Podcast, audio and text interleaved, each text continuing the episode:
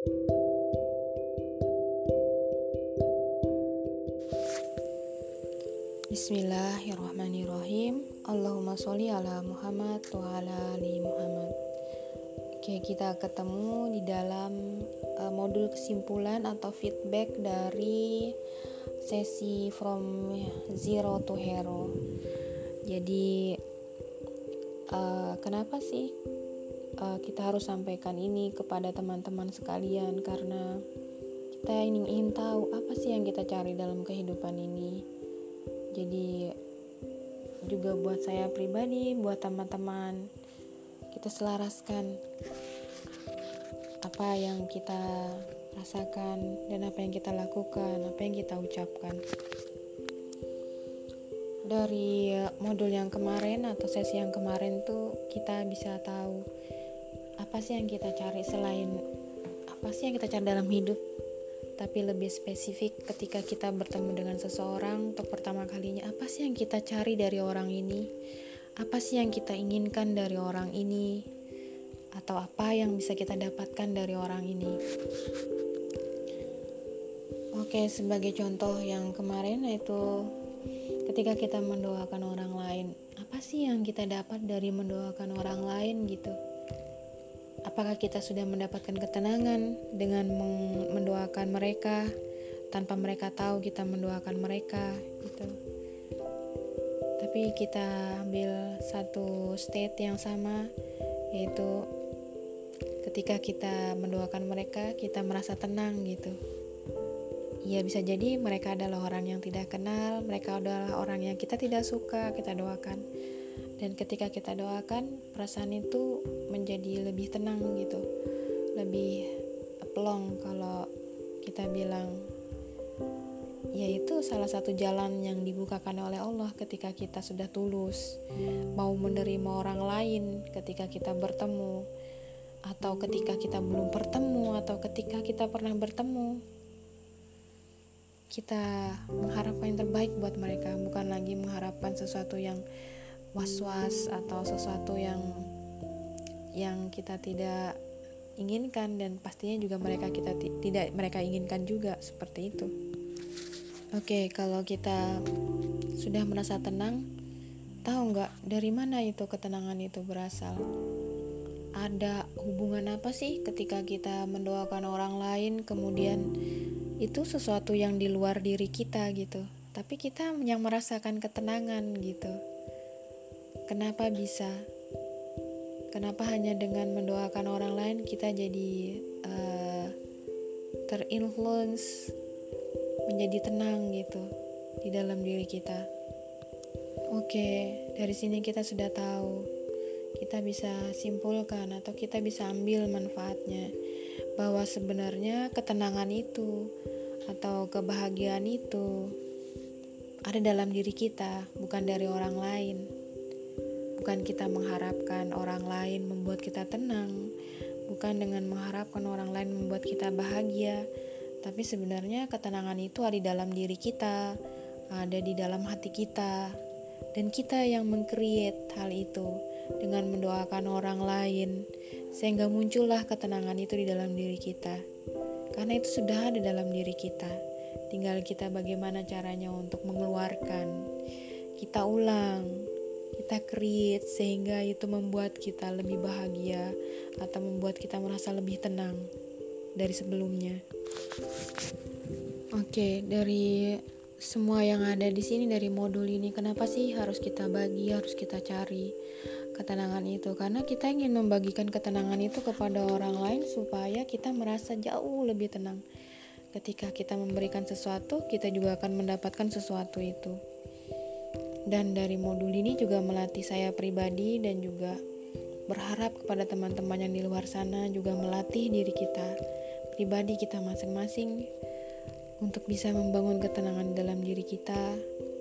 Kemudian juga dari latihan-latihan gitu yang tidak akan pernah berhenti gitu dan akan terus selalu berusaha dan saling mengingatkan untuk selalu ada untuk mengcreate rasa tenang itu di dalam hati kita. Karena kalau kita sudah merasa tenang, segala macam sesuatu itu jadi clear gitu, jadi jelas gitu. termasuk bagaimana cara kita memandang hidup, kehidupan kita, permasalahan kita itu jauh jadi lebih jelas kalau kita merasa tenang. Kalau kita merasa sebelumnya merasa terbebani dan tertutupi segala macam sesuatu, itu membuat permasalahan yang kita hadapi jadi tidak tidak terpecahkan gitu. Dan di sini kita belajar step by step. Dengan pertama dengan mendoakan orang lain di situ akan muncul ketenangan. Dan kemudian dengan step berikutnya dengan cara melakukan bertindak dengan tulus hati itu juga menghasilkan ketenangan di dalam diri kita. Dan akhirnya jadi bertambah bertambah gitu. Ketenangan yang udah ada ditambah lagi dengan uh, lisan dengan perbuatan yang sudah ada dan feedbacknya akan baik juga ke kita Kenapa sih harus kita cari ketenangan itu? Karena ketenangan itu adalah sesuatu yang sangat mahal. Dia adalah inner peace yang ada dalam diri kita dan kalau kita tidak kita gali kita tidak tahu karena kita hidup kita terlalu banyak permasalahan. Kita hidup di dalam lingkungan yang dengan begitu beragam kegiatan, kemudian pertemuan dan segala macam. Itu kalau kita tidak gali kita tidak ambil kita tidak akan menemukan gitu. Jadi ketenangan itu adalah sesuatu yang mahal dan orang bisa membayar mahal untuk mengikuti training pelatihan bahkan harus berkonsultasi ke dokter Nah untuk mencari suatu ketenangan. Padahal sebenarnya ketenangan itu di dalam diri kita Dan tinggal kita aja bagaimana caranya untuk bisa uh, Mengeluarkan atau mencari dan mewujudkan dalam eh, diri kita dalam tingkah laku kita dalam kehidupan sehari-hari kita. Oke jadi uh, kalau kemarin di tugas itu ada kita minta untuk 10 orang yang kita doakan kemudian kenapa harus 21 hari? Memang kita harus tentukan itu karena kalau misalnya kita tidak tentukan kita akan bermudah-mudah dengan hal itu jadi akan disepelekan dan kita tidak akan pernah sukses atau mencapai apa yang kita inginkan gitu. Jadi kalau misalnya kita mendoakan 10 orang yang kemarin kemudian kita akan doakan lagi nanti apakah harus sama? Boleh sama boleh berbeda. Kemudian orangnya juga apakah harus orang yang kita suka atau kita benci atau kita tidak pernah bertemu?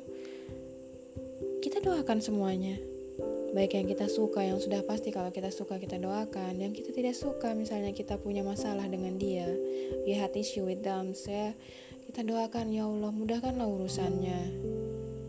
Lapangkanlah rizkinya. Dan insya Allah kita akan merasa tenang gitu karena kita sudah merasa kita tidak punya lagi orang yang bermasalah dengan kita. Gitu jadi perlahan-lahan kita coba melepaskan apa yang menjadi belenggu di dalam hati kita dengan cara mendoakan bersungguh-sungguh sambil tersenyum dan pilih doa yang terbaik dengan kata-kata yang terbaik. Dan kita berharap orang lain juga mendoakan kita dengan hal yang sama. Jadi pilihkanlah doa yang benar-benar yang baik yang menurut kita dan nantinya juga akan kembali ke kita seperti itu. Kita coba dari sini dan kita akan lihat uh, siapa yang bersungguh-sungguh yang mana yang enggak atau hanya menyepelekan saja atau kita terlupa kita tidak pernah tahu karena kan kita hanya manusia biasa. Tapi dari pelatihan ini kita coba kita jalani dulu nanti uh, semakin lama semakin terbiasa dan kita akan uh, merasa ada kekurangan jika kita tidak melakukannya.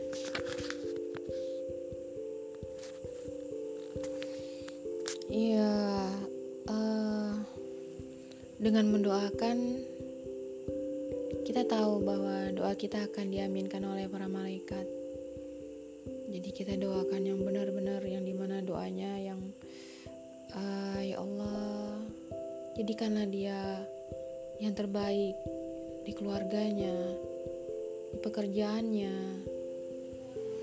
atau dalam organisasinya dan tercapai apa yang dia inginkan. Itu benar-benar kita doakan. Atau kalau misalnya kita jalan keluar rumah baru mau ke kantor. Kita ketemu dengan ibu-ibu tua yang berjualan atau orang yang menyapu jalanan kita doakan ya Allah mudahkanlah dia lariskan dagangannya banyakkanlah rizkinya kuatkanlah jiwanya agar dia bisa membersihkan jalanan dengan baik atau perbanyaklah para pembelinya agar dia dapat pulang dengan kelebihan rizkimu untuk bisa memberi makan keluarganya atau semacamnya. Atau kalau kita tidak kenal kita lihat di uh, status di FB kita misalnya ada uh, yang kesusahan gitu ketika dia update status di storynya. Entah FB entah IG atau yang lainnya gitu kita doakan. Ya Allah mudahkanlah urusannya. Dia sedang sakit sembuhkanlah dari penyakitnya atau dia sedang kesusahan dia kesulitan permudahkanlah urusannya. Itu jadi kita bisa menemukan siapa pun di mana pun. Entah itu ketika kita keluar dari rumah entah itu kita membuka media sosial atau entah itu terbesit dalam lingkungan kita, dalam pikiran kita atau dalam grup kita kita lihat, kita doakan dia. Minimal 10 orang. Insya Allah kalau kita udah terbiasa kita akan terus melaksanakannya dan tanpa sebab kita selalu ingin mendoakan, mendoakan dan mendoakan yang terbaik untuk mereka. Oke, karena kita kan uh, mungkin ada sebagian dari pendapat teman-teman kita mendoakan orang lain, kita memaafkan kesalahan mereka, tapi kita juga mendapatkan perlakuan yang tidak baik gitu. Anggap aja kita sedang menghadapi sesuatu di mana kita sudah berbuat baik gitu, tapi kita mendapatkan perlakuan yang kurang baik. Kemudian kita protes kok bisa? Kita kan sudah melakukan ini dan itu tapi dia ternyata tidak menghargai apa yang kita lakukan. Banyak ya terutama ketika kita di pekerjaan kita. Itu harus kembali kepada kita lagi gitu. Kenapa kita bisa merasa kecewa merasa kita uh, tidak dihargai kita merasa diacuhkan itu kembali ke perasaan kita sendiri gitu. Jangan-jangan kita yang terlalu tinggi meletakkan diri kita di atas orang lain gitu sehingga kita menginginkan mereka menghargai kita lebih dari kita menghargai mereka jangan-jangan kita sudah merasa apa yang kita lakukan sudah lebih dari yang mereka lakukan untuk kita gitu dalam hal pekerjaan gitu. Kan kita nggak tahu ukuran kita dengan mereka berbeda. Jadi dari sini kita bisa belajar. Kita bisa menang melawan keinginan kita. Kalau kita bisa menaklukkan segala prasangka buruk dalam diri kita terhadap orang lain atau prasangka orang lain terhadap kita gitu. Karena kalau misalnya kita masih terbawa dengan hal-hal yang negatif kita tidak akan pernah merasa tenang. Dan itu akan merusak karakter kita gitu. Jadi di sini kita latihan. Kembali gitu. Kita boleh merasa marah atau merasa tidak suka tapi itu kita handle untuk diri kita tidak untuk kita keluarkan gitu dan itu kita jaga gitu. Dan kita harus berpikir logik gitu. Jadi kita tidak hanya merasa kemudian kita luapkan tapi kita berpikir dulu. Kasih jeda di situ untuk kita berpikir kembali.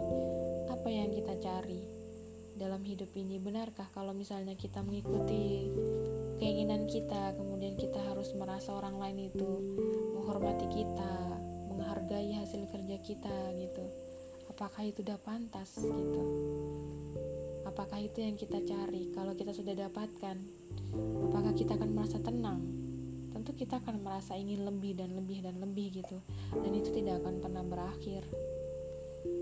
Jadi sebenarnya kita harus menaklukkan semua keinginan kita, kemudian semua keegoisan kita, keinginan kita untuk dihargai, keinginan kita untuk dimaafkan, keinginan kita untuk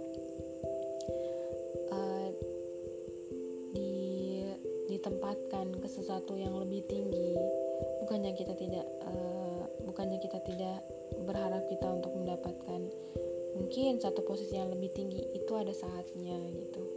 Tapi kita harus bisa menahan dulu ego kita gitu. Tidak untuk menyakiti orang lain kemudian tidak berharap lebih gitu. Dan itu yang harus kita latih.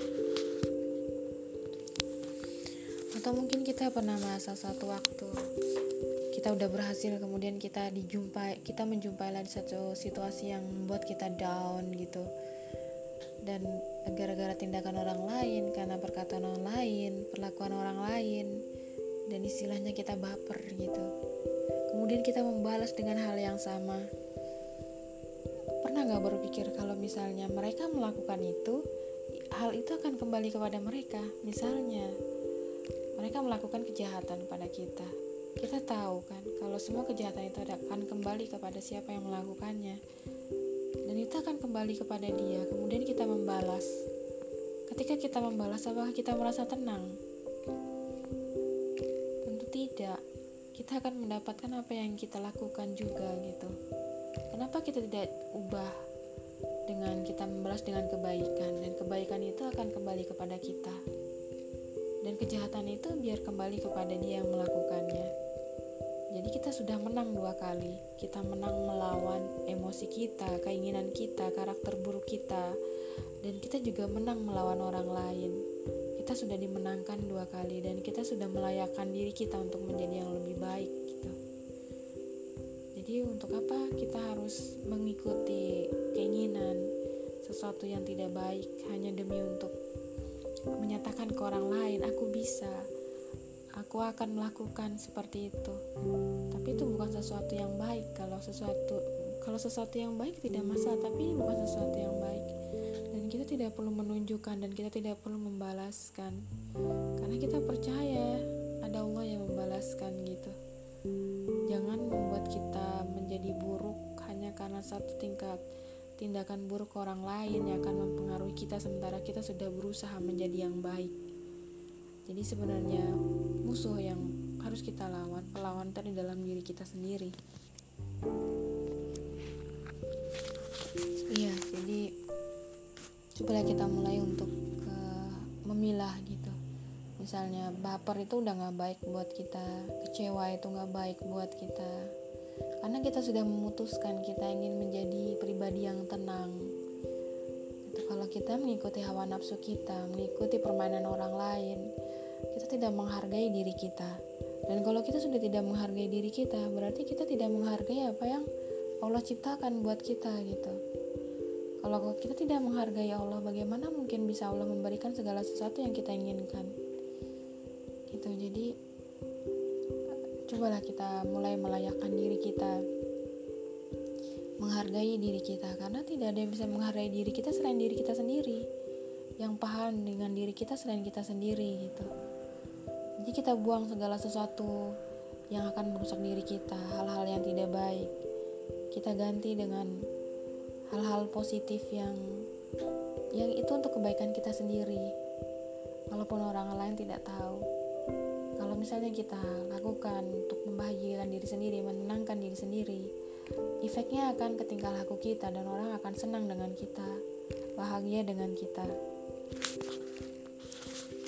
oke jadi kita sudah mulai belajar untuk mengupgrade ketenangan dalam diri kita.